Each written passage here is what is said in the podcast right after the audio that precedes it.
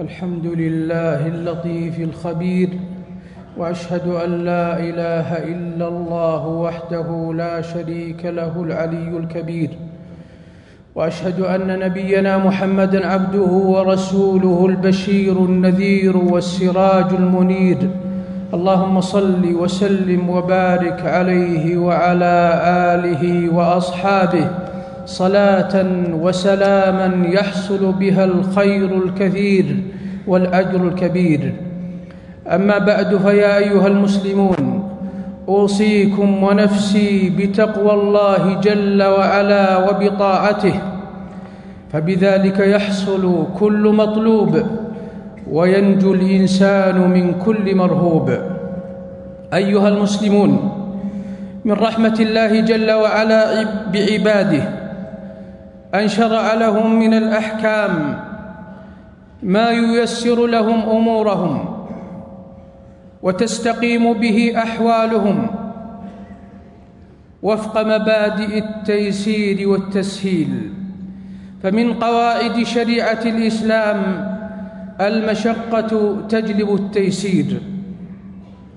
ومن جوانب التيسير في شريعة محمد صلى الله عليه وسلم مشروعية المسح على الخفين الثابت بالكتاب العظيم والأحاديث المتواترة عن النبي الكريم. اللهم صل وسلم وبارك عليه. فيسن المسح عليهما. ما دام الإنسان لابسا لهما ولا يشرع أن يخلع الخفين ليغسل القدمين عند وضوئه. إخوة الإسلام ويلتحق بمشروعية المسح على الخفين المصنوعين من الجلود المسح على الجوربين وهما ما يتخذ ما يتخذ من القطن أو من الصوف ونحوه مما هو في حياة الناس اليوم. فيشرع المسح على الجوربين بهذه بهذا الوصف في الوضوء متى لبسهما الإنسان على طهارة كاملة؟ بمعنى أن يتوضأ وضوءا كاملا أو يغتسل غسلا مشروعا كالغسل من الجنابة مثلا ثم يلبسهما بعد ذلك. والأحوط أن يلبس المتوضئ الخف أو الجورب حتى يغسل قدميه كليهما فحينئذ له أن يمسح بعد ذلك.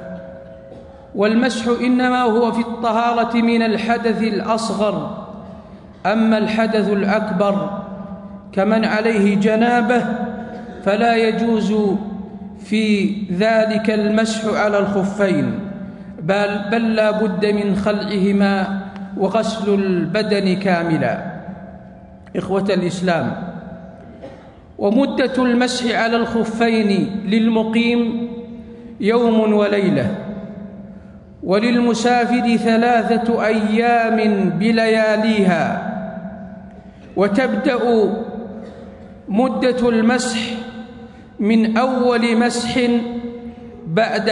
بعد حدث وقع بالإنسان وتبدأ مدة المسح من أول مسح بعد الحدث الذي يصيب الإنسان مما يسمى عند أهل العلم بنواقض الوضوء. فمثلا إذا توضأ لصلاة الظهر ثم لبسهما ثم أحدث ثم مسح عند صلاة العصر فحينئذ تبدأ مدة المسح من مسحه عند صلاة العصر. ومن مسح وهو مسافر ومن مسح وهو مسافر ثم أقام في البلد أتم مسح مقيم أي يوم وليلة ما دامت هذه المدة قائمة. ومن مسح وهو مقيم في البلد ثم سافر في أثناء هذه المدة فيمسح مدة مسح المسافر أي ثلاثة أيام بلياليها على الراجح من قولي أهل العلم. والمسح على الخفين متعلق بغسل الرجلين في الوضوء بمعنى لا بد أن يتوضأ وضوءا شرعيا بالماء. أما إذا تيمم الإنسان في حال مشروعية التيمم ثم لبس خفيه فلا يجوز له أن يمسح إذا وجد الماء بحجة أنه لبس الخفين على طهارة شرعية. إذ الطهارة في المسح على الخفين تتعلق بغسلهما بغسل القدمين بالماء. مع سائر الأعضاء. فمثلا من لم يجد الماء أو كان مريضا لا يستطيع استعمال الماء في الوضوء فإنه لا مانع من أن يلبس خفيه ولو على غير طهارة ويصلي بهذا التيمم. ولكن إذا وجد الماء أو شفي المريض فلا بد من وضوء تام بما فيه غسل القدمين. ومتى شك الإنسان في ابتداء مدة المسح فإنه يبني على اليقين. وهو عدم المسح فمثلا إنسان شك هل بدأ من صلاة الظهر أو من صلاة العصر فالأصل أن يبني على اليقين وهو عدم المسح فحينئذ يحسب المدة من صلاة العصر. والواجب أيها المسلمون أن يمسح من كان عليه خفين أن يمسح أعلى الخف إذا أراد أن يمسح. بأن يبدأ المسح من أصابعه أصابع قدميه إلى ساقه. فيمسح اليمنى ثم اليسرى وإن مسحهما جميعا أن يمسح رجله اليمنى بيده اليمنى ورجله اليسرى بيده اليسرى دفعة واحدة فلا بأس. وهذا هو ظاهر حديث النبي صلى الله عليه وسلم ثم ليمسح عليهما. ولا يسن مسح أسفل الخف ولا عقبه. قال علي رضي الله عنه لو كان الدين بالرأي لكان أسفل الخف أعلى لكان أسفل الخف أولى بالمسح من أعلاه. وقد رأيت رسول الله صلى الله عليه وسلم يمسح على ظاهر خفيه. رواه أبو داود. وقال ابن حجر إسناده صحيح. وإذا لبس الإنسان الجوارب ثم لبس عليهما جوارب أخرى ومسح على العليا فلا بأس على الصحيح من قولي أهل العلم. ما دامت مدة المسح قائمة وتحسب المدة من مسحه على الجورب الأول وإذا انتهت مدة المسح والإنسان على طهارة فلا تنتقض طهارته بذلك على القول الراجح واختاره ابن تيمية رحمه الله وغيره من أهل التحقيق. لأن الشرع وقت المسح فإذا تمت مدته والإنسان على طهارة فطهارته باقية ولكن لا يجوز له المسح عليهما حتى يأتي بوضوء كامل وتبدأ مدة مسح جديد. ومثال هذه المسألة مثال هذه المسألة وهي انتهاء مدة المسح على الخفين أنه أن يبتدئ أن تبتدئ مدة المسح من صلاة العصر. فيكون الإنسان على طهارة حتى يأتي العصر الجديد من اليوم الثاني والإنسان على طهارته بعد أن مسح واليوم والليلة قد باقية ولم ينتقض وضوءه. فحينئذ نقول إنه يجوز له أن يصلي بذلك بتلك الطهارة ولا دليل على نقضانها وبطلانها.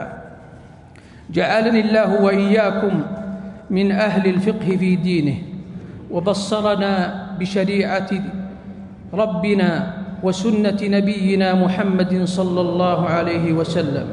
بارك الله لي ولكم في القرآن ونفعنا بما فيه من الهدي والبيان. أقول هذا القول وأستغفر الله لي ولكم ولسائر المسلمين من كل ذنب فاستغفروه إنه هو الغفور الرحيم.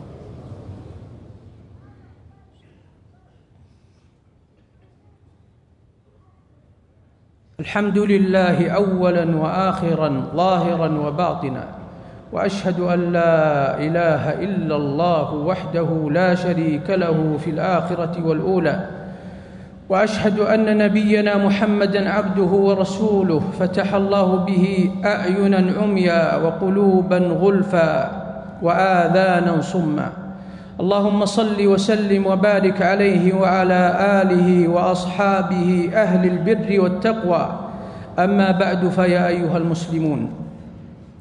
من المعلوم عند علماء الإسلام أن الأصل الذي تقوم عليه صحة التعبد متابعة السنة النبوية وقيام الدليل الشرعي وإنما يفعله بعض من المسلمين من الاحتفال بمولد النبي صلى الله عليه وسلم في اليوم الثاني عشر من شهر ربيع الأول هو أمر محدث.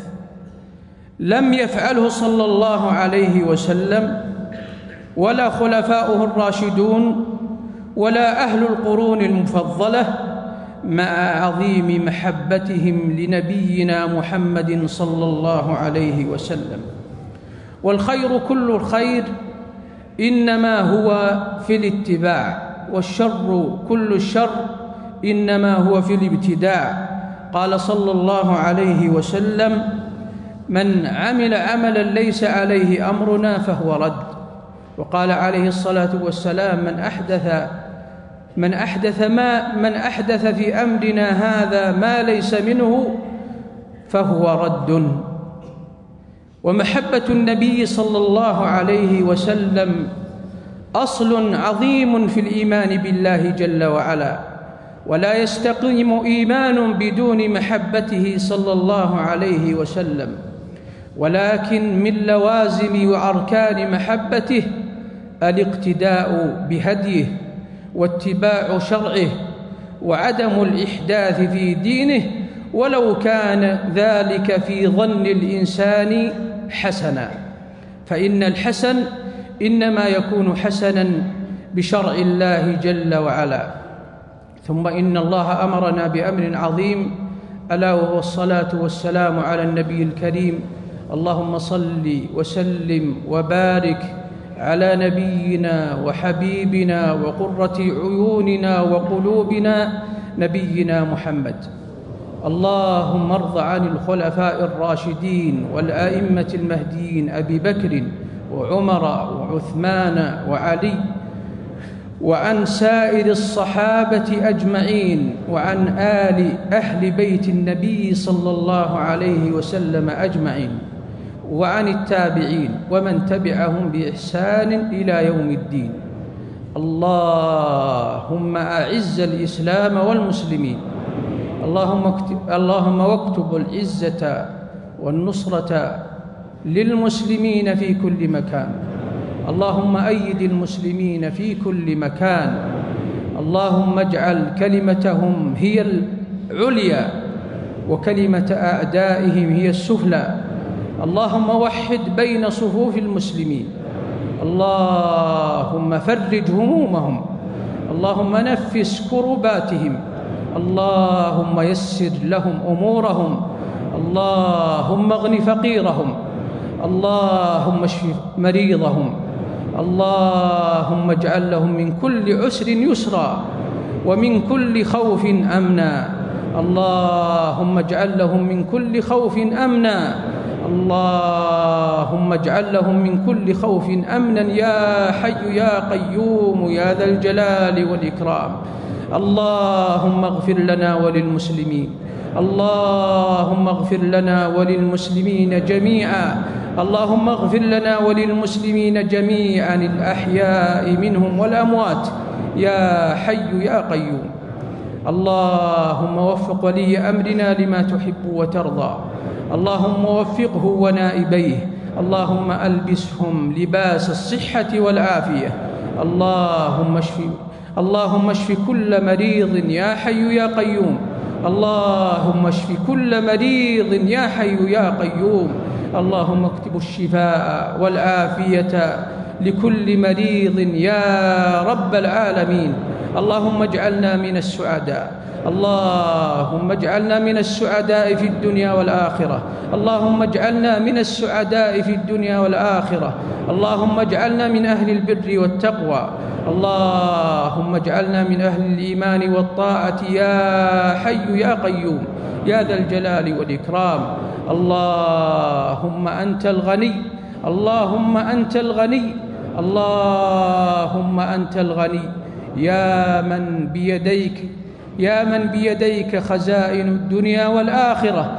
اللهم أنزل علينا الغيث اللهم أغثنا. اللهم أغثنا اللهم أغثنا وأغث ديار المسلمين اللهم اسقنا واسق ديار المسلمين اللهم اسقنا واسق ديار المسلمين اللهم اسقنا واسق ديار المسلمين اللهم إن بنا من الضرر ما لا نشكوه إلا إليك اللهم فأنزل علينا الغيث اللهم ارحمنا برحمتك اللهم ارحمنا برحمتك اللهم ارحمنا ببهائمنا اللهم ارحمنا ببهائمنا اللهم ارحمنا ببهائمنا.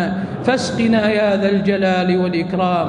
يا غني يا حميد يا غني يا حميد يا غني يا حميد. اللهم إنا لما أنزلت إلينا من خير فقراء. لا غنى لنا عن رحمتك. لا غنى لنا عن رحمتك. اللهم أنزل لنا من رحمتك ما يغنينا عن خلقك. اللهم أنزل لنا من الغيث ما يغني المسلمين عن الخلق. يا حي يا قيوم يا ذا الجلال والإكرام. عباد الله اذكروا الله ذكرا كثيرا وسبحوه بكرة وأصيلا.